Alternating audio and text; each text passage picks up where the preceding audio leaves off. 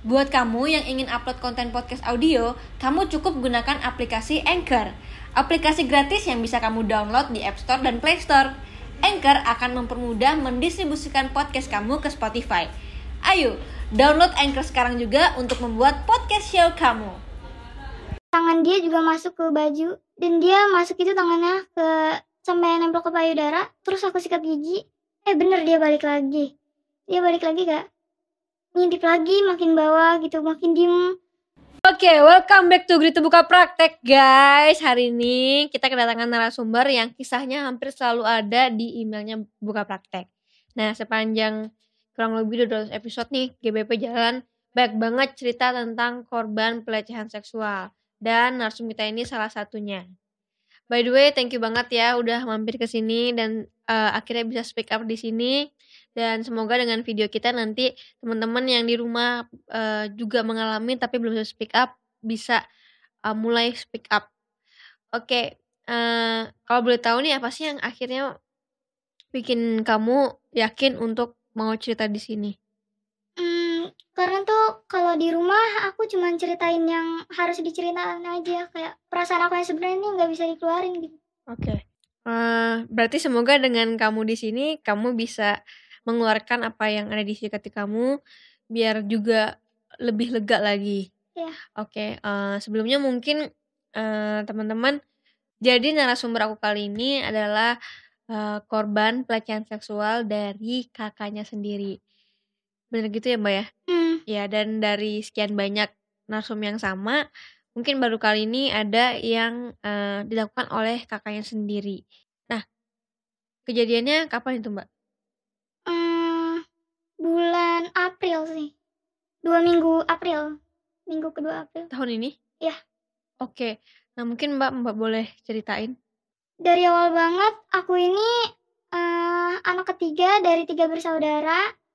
Aku punya orang tua yang masih lengkap, alhamdulillah. Terus aku pernah pindah rumah tiga kali, berarti udah nempatin empat rumah.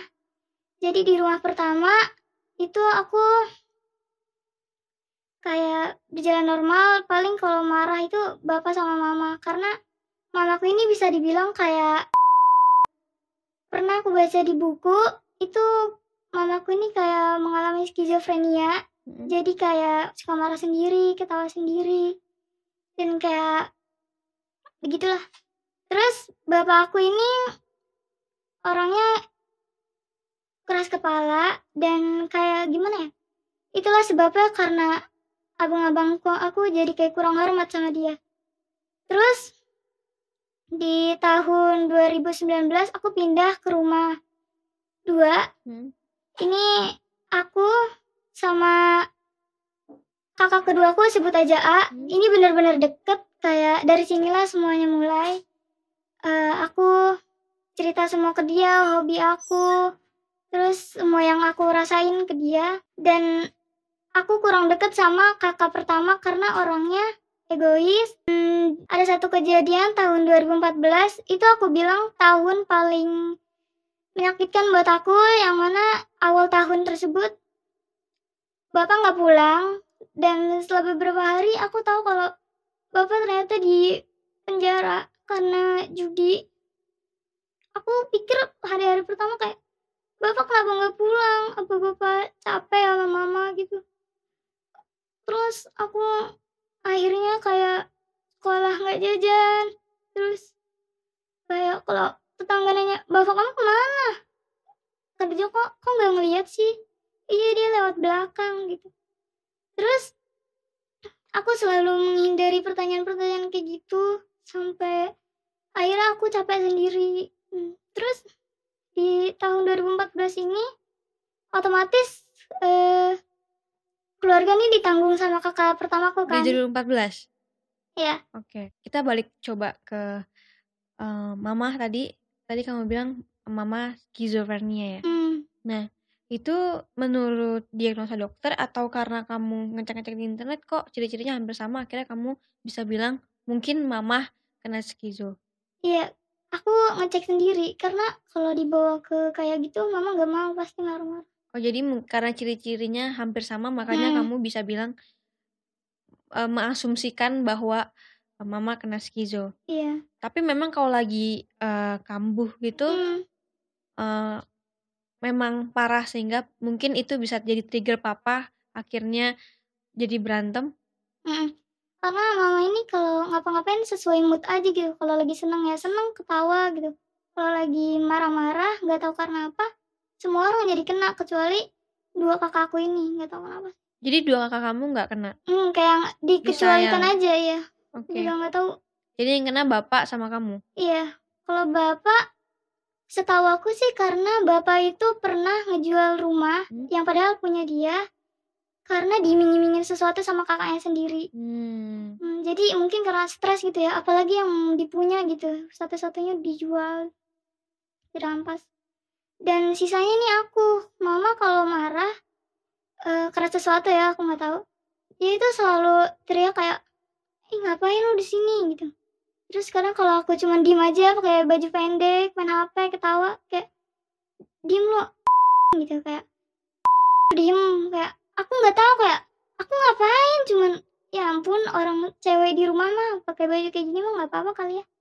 Dan terus kayak aku jujur dari kecil kayak nggak pernah ngerasain kayak, mmm, disiapin peralatan sekolah sama Mama tuh gimana sih, kayak aku nggak pernah. Terus kayak kalau temen cerita, mama gue tadi nggak nyiapin makanan, gue kesel banget. Itu tuh, eee, di di luar aku ngomong kayak, "Iya ya harusnya mama lu bantuin ini," tapi dalam hati aku kayak ngejerit, "Lu tuh masih syukur ada emak lu," gitu.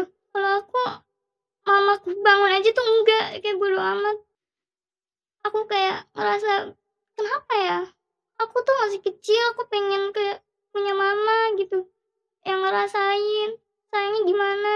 Terus mama nggak dapet kasih sayang, bapak juga tipikal orang yang gimana, kayak maluan gitu sama keluarga, kayak canggung. Jadi kalau untuk sekedar ngomong, "Maaf, terima kasih," ngomong gitu tuh susah. Itu sih. Oke. Menurut kamu ayah adalah sosok yang seperti apa? Kalau pandangan dari misalnya orang lain ya, bapak itu orangnya egois, Mmm. bapak keras kepala dan selalu mikir jangka jangka Pendek. pendek. Tapi kalau dari pandangan seorang anak, aku menilai bahwa bapak itu segalanya banget, kayak mungkin aku udah berkali-kali untuk mikir, "Udah deh sampai sini aja Nur hidup lo," gitu kayak, "Udah ngapain lagi, emak lu tuh nggak sayang, kayak keluarga lu aja kayak gini kan." Tapi kadang aku tuh punya impian tuh banyak banget Kak, kayak, "Udah lu lu tuh harus begini, lu harus gini, dan lu juga masih punya bapak, bapak bisa ngerelain apa pun buat lu," gitu.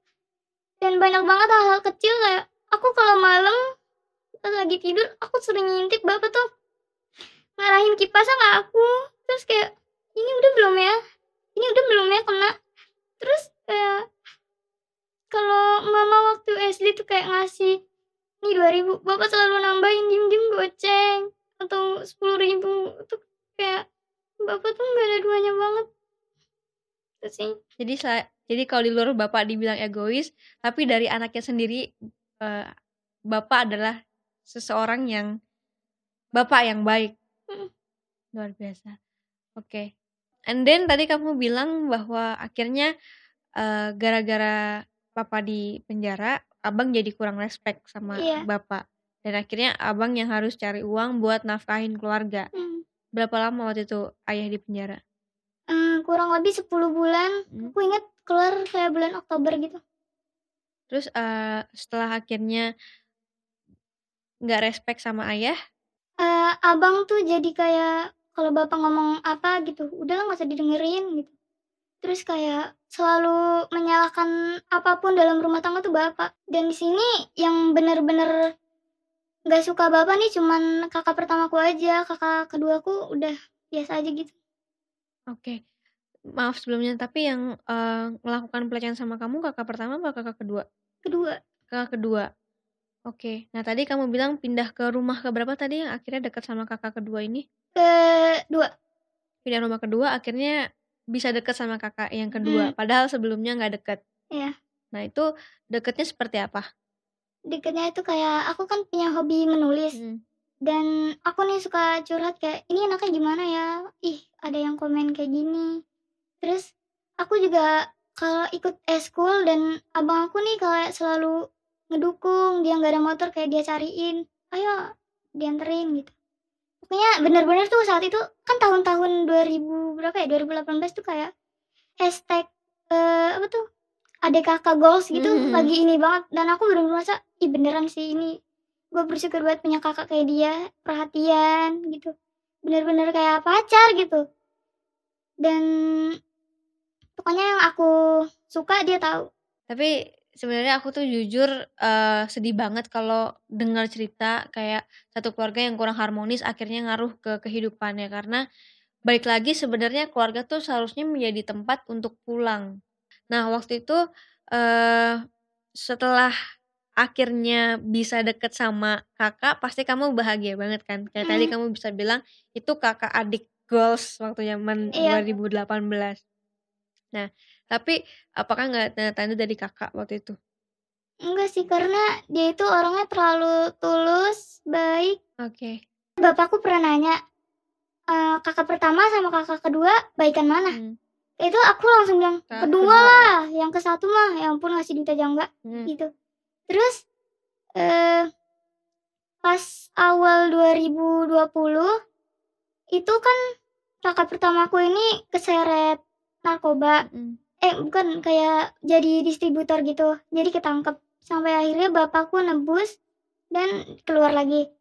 Di situ aku bener-bener kayak males banget sama si A ini kayak, "Ih, ngapain sih dia balik lagi, ngapain juga kayak gitu." A ini kakak pertama?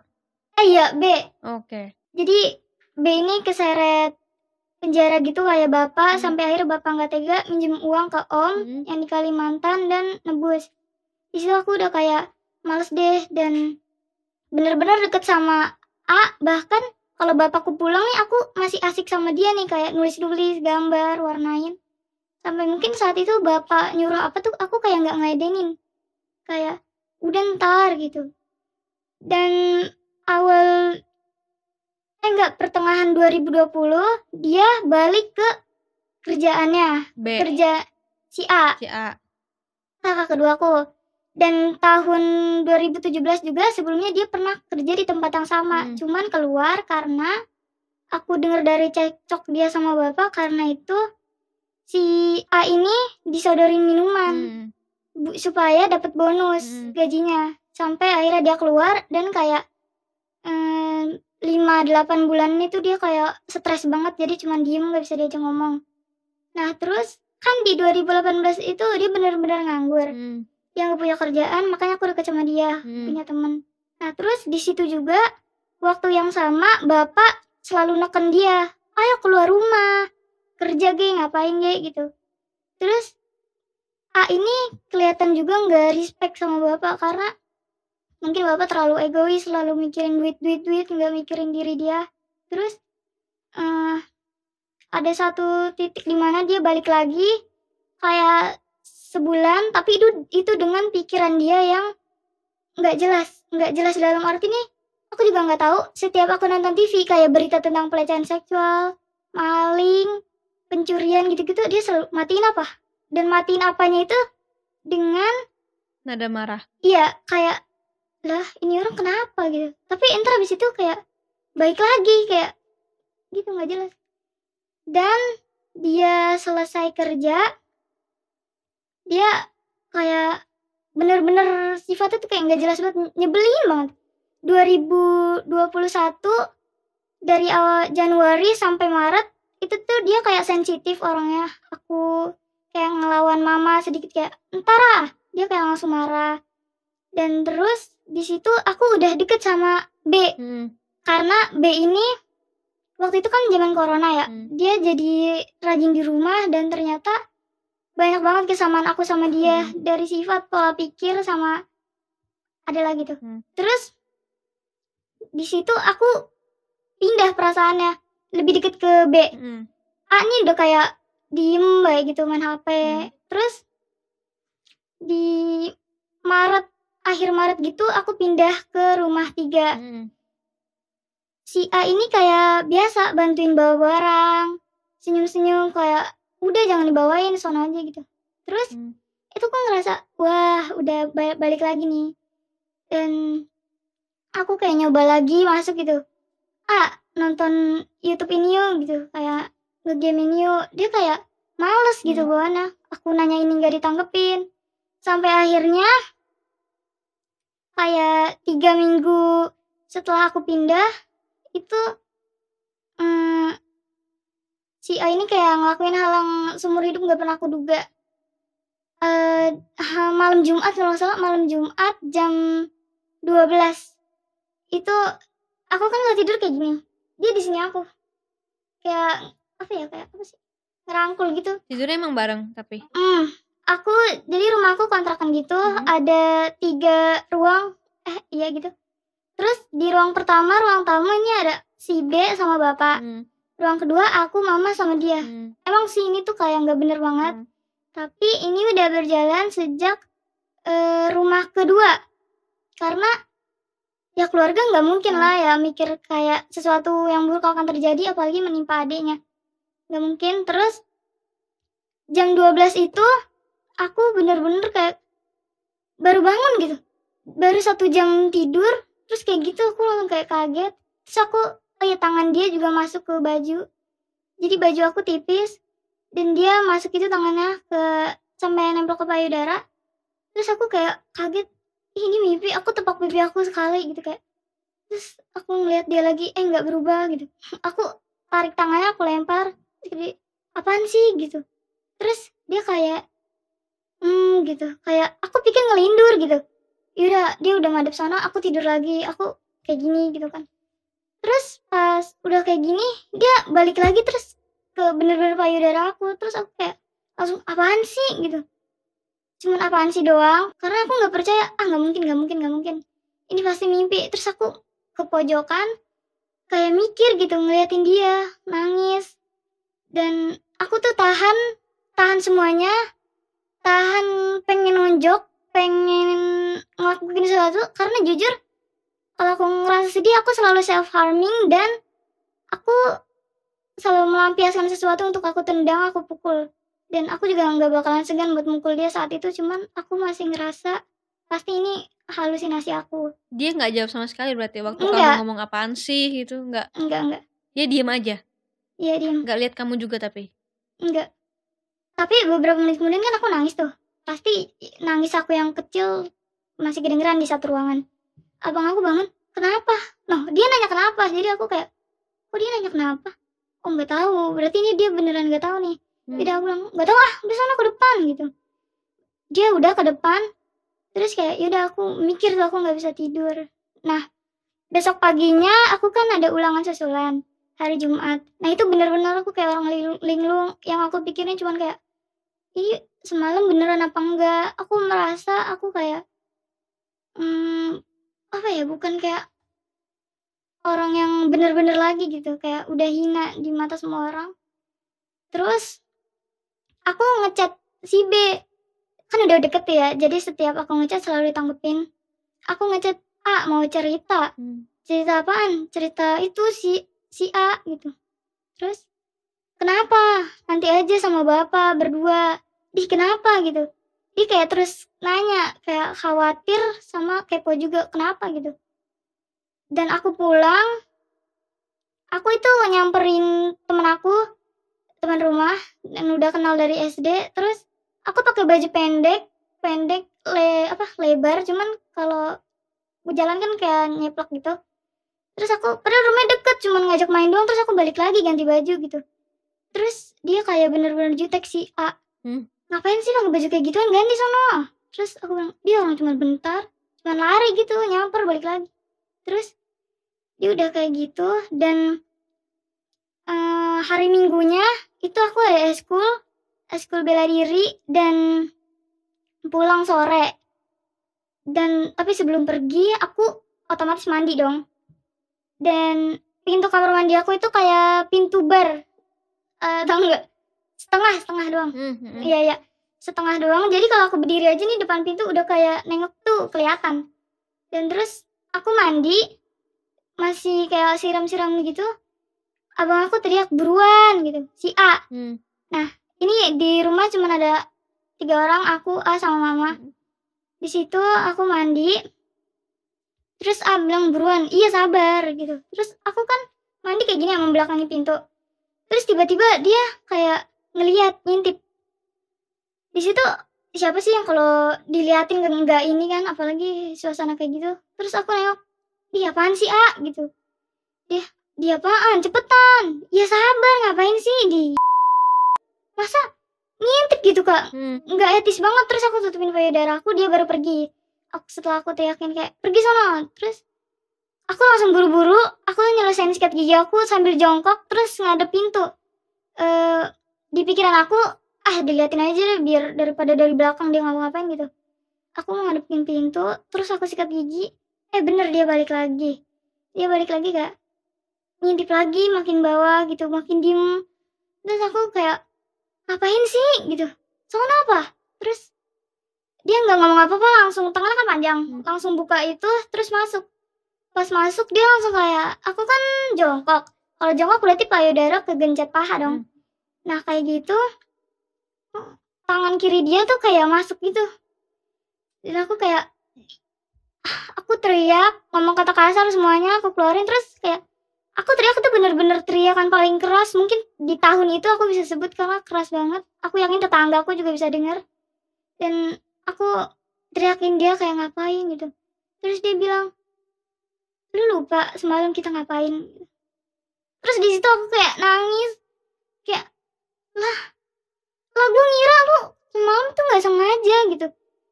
Dan ya udah penyesalan semua datang kayak terus aku balas kenapa sih lu bisa kayak gitu? Gue nih adek lu gitu. Dia nggak balas dia nggak bilang apa-apa. Terus dia pergi dan aku sebelum itu juga aku apa nyakar kaki dia bener-bener keras banget. Kayak eh, kalau bela diri kan kayak punya itunya masing-masing. Aku kebetulan menguasai kayak tenaga dalam aku cakar walaupun aku nggak punya Kuku. kuku. Aku yakin banget itu pasti terasa dan tidak dia keluar. Terus aku langsung nangis. Aku kayak sebelum itu juga aku teriakin ma tolong gitu. Hmm. tapi aku dengar mamaku nih kayak berisik apa? gitu. Dan abang pergi aku bener-bener pakai baju terus lari ke depan kayak eh abang waktu itu ke ruang tengah dulu mau mandi kayaknya. Terus aku ke depan aku nangis mamaku lagi madu ke pintu gitu tiduran. Aku bilang ma gitu. Aku aku bener-bener yang tadinya kesel sama mama kenapa nggak datang aku turunin semuanya aku merendahkan diri dan aku genggam tangan mamaku hmm, nangis. Terus mama nanya kenapa? gitu. Terus aku balas mama aku anak mama kan? gitu. Terus mama kayak iya kenapa mama tahu kan semalam dia ngapain?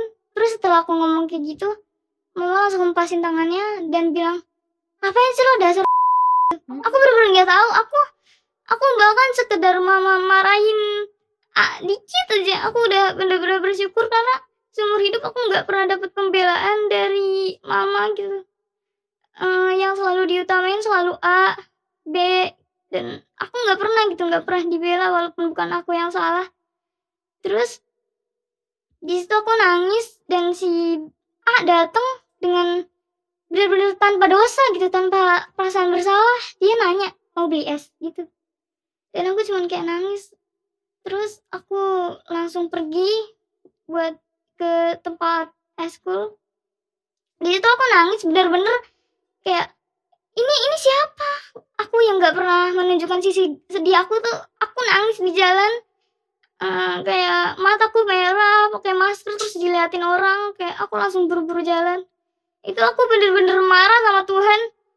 Ya Allah kenapa sih? Kayak udah terlalu banyak gitu yang aku rasain dari mulai bapak begini mama begini terus kehidupan aku yang gak sebaik orang-orang terus ditambah kejadian kayak gini. Apalagi yang kurang besok apa? Besok siapa yang meninggal? Gitu kayak aku bener-bener kayak orang kesetanan aku bahkan berani berani berdoa bahwa semoga besok aku udah nggak ada.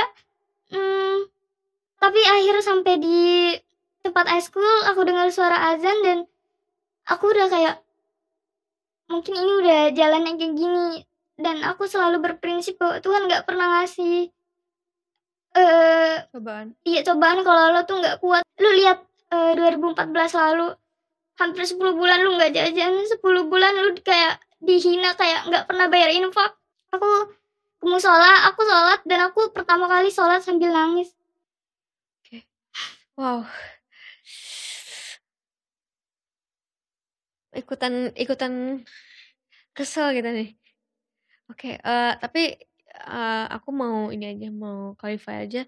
Tadi waktu kamu ngomong sama mama bahwa kamu diintipin atau oh iya dilecehin sama eh, kakak atau abang, itu tadi kan kamu bilang mama ada menurut kamu ada skizo. Itu menurut kamu lagi sadar atau enggak mamahnya? enggak Mam- karena kalau aku tahu kalau mama lagi mood baik itu mama baik banget. Kayak mama mijitin aku gitu kayak aku kadang kayak ya Allah tolong perlambat waktu gitu.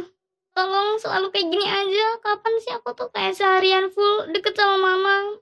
Bahkan mama nggak tahu hobiku apa mama nggak tahu makanan kesukaan aku apa. Pokoknya mama nggak pernah tahu tentang tentang aku gitu dan pas aku nanya kan mama tadi nggak dengar pas aku panggilin gitu. Mama tuh benar nggak jawab dan aku baru sadar aku baru inget saat itu kalau pas malam Jumat abang aku kayak gitu aku nyadar mama itu balik badan terus ngasih si A bantal. Hmm. berarti mama tahu dan mama kayak cuman pura-pura nggak tahu aja gitu saat itu. Nggak ngelerai jangan kayak gitu ke adiknya nggak sama sekali Tapi anyway, kamu adalah wanita yang hebat. amin Eh, semoga dengan kejadian ini juga kamu ada di sini juga bisa lebih lega dan pasti bisa jadi inspirasi juga buat teman-teman di rumah yang nonton. But anyway, eh setelah kejadian itu apa yang akhirnya kamu lakukan untuk ngeprotek diri kamu sendiri atau trauma-trauma yang kamu dapetin? Hmm, pencegahannya. Mm. setelah hari itu aku bener nggak ngomong sama dia sama sekali. Bahkan pas lebaran pun dia kayak cuman tangan doang gitu kayak ya udah formalitas lebaran. Ya udah gitu. Terus aku nggak tidur di tempat yang sama sama dia. Aku tid- lebih milih tidur di lantai atau di sofa yang kalau si B belum pulang. Terus aku kayak nggak pernah lagi mau bahas dia kayak jemuran dia kehujanan bodo amat terus kayak bapakku nanya itu si A pergi jam berapa kan bapakku suka nanya kayak gitu Hmm. anak-anaknya aktivitasnya aku selalu udah lah bapak jangan nanyain dia bapak tuh seolah tahu kayak udah deh jangan nanyain dia ke dia gitu Tapi tadi kan aku lupa, kamu sempat ngomong mau ngomong sama si B dan Hmm. juga bapak. Itu sudah ngomong? udah jadi kan aku setiap pulang eskul tuh sore dijemput sama B Hmm. dan saat itu di rumah juga ada A cuman aku ceritanya pas dia pergi ke warung Hmm. itu aku cerita sebelumnya aku awali dengan lu percayanya sama gue kan gitu Hmm. terus B bilang iyalah kenapa sih terus aku mulai cerita aku nangis terus Hmm. aku kayak bener-bener berlindung di belakang dia gitu karena aku tahu eh, senakal apa pun B ini B selalu memprioritaskan keluarganya tentu pun aku juga dan itu A, A pulang B langsung kayak dorong dia lu ngapain? gitu. Lu ngapain adik lu? Terus di situ juga eh, kalau misalnya mamaku itu bapak pasti udah udah kena tonjok lah pasti. Gak mungkin abang aku nerima mama diemin aku kayak gitu. Terus ol- eh, B ini bener-bener marah. Dia pengen nonjok A tapi mama selalu ngebela jadi dia kayak nonjokin lemari. Bener-bener melampiaskan semuanya di lemari Oke. Tapi emang sulit banget sih kayak sekarang nih pelaku pelecehan juga masih tetap gak bisa dapat hukuman-hukuman karena menurut mereka kan gimana cara buktiinnya kan karena nggak ada Hmm. nggak gampang untuk buktiin itu. Bahkan kita udah speak up aja masih banyak kasus-kasus yang nggak ditertangani dengan baik. Oke, tapi kamu udah di sini, semoga dengan di sini baik lagi, semoga kamu ada perasaan lega sedikit bisa cerita dan juga speak up dan eh bisa jadi motivasi juga buat teman-teman yang mungkin lagi dalam keadaan bingung nih mau speak up atau enggak gitu. Tapi kamu eh, sempet nggak sih pengen ngelaporin si A ini ke mana ke polisi kayak atau ke Komnas Hmm. Perempuan kayak Enggak sih sebenarnya, karena aku lagi-lagi berpikir ke keluarga. Bapak udah cukup malu nahan kayak walaupun tetangga enggak secara langsung kayak teriakin kayak, "Wah, anak lu kayak gini." Hmm. Enggak sih. Cuman aku ngerasa kalau, eee, lagi-lagi dari satu lagi keluargaku masuk penjara tuh bakal semalu apa bapakku gitu. Aku lagi-lagi mikirin keluarga kayak, "Mau semalu apa lagi keluarga lu?" Gitu. Jadi ya udah diem aja. Yang penting bapakku tahu apa yang terjadi gitu. Oke, tapi, eee, kalau aku boleh tahu sejak kejadian itu gimana sih kamu dan keluarga kamu? Mmm, bener-bener ini sih kayak bapak udah kayak nggak peduli sama A. Mmm. Tapi anehnya mama ini, mmm, masih aja nerima A apa adanya gitu. Hmm. Padahal, eee, beberapa minggu setelah kejadian itu juga si A nih bikin tato, yang bener-bener kayak bukan dia banget. Dan di situ B juga pasti marah-marah ya, "Lu ngapain malu-maluin keluarga banget? Pasti malu entar nggak bakal ngenalin lu." Hmm. Dan di situ aku lagi-lagi nangis kayak, "Ngapain sih nangisin dia?" Gitu. Tapi aku sedih karena, eee, orang yang aku anggap sahabat ini pergi. Karena sejauh ini cuman A yang bener-bener tahu aku suka apa gitu. Memang beda-beda setiap orangnya. Kakak pun walaupun Kakak sendiri ada 2 juga pasti Be beda. Beda. Oke. Mmm sejauh ini dari keluarga, dari kerabat kamu udah berapa banyak yang tahu tentang kejadian kamu? Mmm, keluargaku bukan kayak keluarga besar gitu sih. Jadi keluargaku bener-bener cuman ini, yang di Kerawang tuh nggak terlalu deket karena yang di Kerawang tuh keluarga mama. Mhm. Dan gimana ya, mama kan kayak gitu, jadi kayak jarang pulang gitu karena nggak mau tuh. Jadi yang paling deket ini, udah 1 doang. Dan kamu harus tetap satu rumah sama mereka? Kadang aku suka mikir kalau udah gede, gue pengennya tuh misah gitu, udah sendiri. Cuman lagi-lagi bapak, bapak tuh kayak alasan terbesar aku untuk terus hidup, untuk terus sama-sama gitu. Mmm, aku pengen beliin apa pun yang bapakku mau, kayak rumah bapak belum punya, nanti aku usahain. Motor bapak pernah ke kejual karena biaya sekolah, aku bakalan beli lagi warna merah karena bapak suka merah. Dan semuanya aku bakalan ngelakuin. Aku juga sejauh ini belum pernah ngasih sesuatu di ulang tahun bapak. Mmm, udah sih. Ah, keren nih bapaknya nih. Hmm. Oke, tapi ini kan bukan cuma sekali ya dilakukan sama A, 2 kali berarti ya? Mmm. Bapak sama ibu nggak ada tindakan apa-apa? Mmm, bapak sih waktu itu pengen ngusir, cuman balik lagi ke mama gitu. Mama pasti nggak bakalan mau makan, nggak bakalan mau tidur kalau nggak ada A gitu. Aku juga ngerti sih. Oke. Kamu dapat seperti ini pasti Tuhan punya rencana yang baik. Mmm. Keluarga kamu kayak gini juga pasti ada sesuatu, tujuan dari Tuhan. Buktinya sekarang kamu ada di sini buat menginspirasi teman-teman di rumah yang mungkin lagi dalam kondisi ini dan dan takut untuk speak up. Mmm. Dan ini ada yang speak up langsung, eee, kakaknya sendiri, Iya. abang sendiri, darah daging sendiri. Oke, jadi sebenarnya semua itu bisa dilakukan di mana pun gitu. Maksudnya dalam arti pelecehan itu bisa terjadi di mana-mana, guys.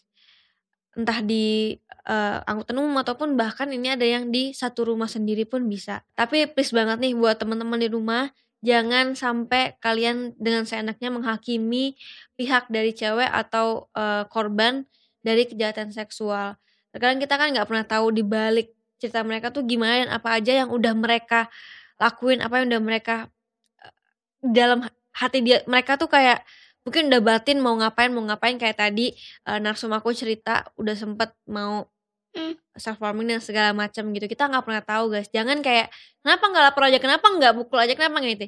Nggak semua wanita itu ketika dapat pelecehan seksual dia akan berani bersuara, dia akan berani untuk me melawan gitu. Karena pa karena ada beberapa atau mostly banyak perempuan yang memang ketika dapat pelecehan seksual dia akan diem karena dia syok ataupun kaget gitu.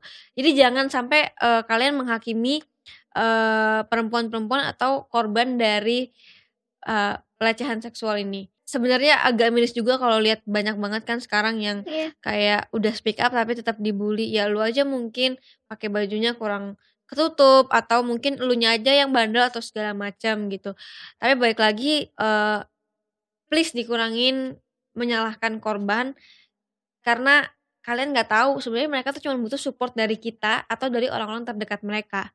Dan thank you banget sudah mampir dan sudah speak up di sini. Semoga bisa membantu untuk uh, melegakan hati hmm. dan juga udah menjadi uh, inspirasi juga buat teman-teman di rumah yang nonton.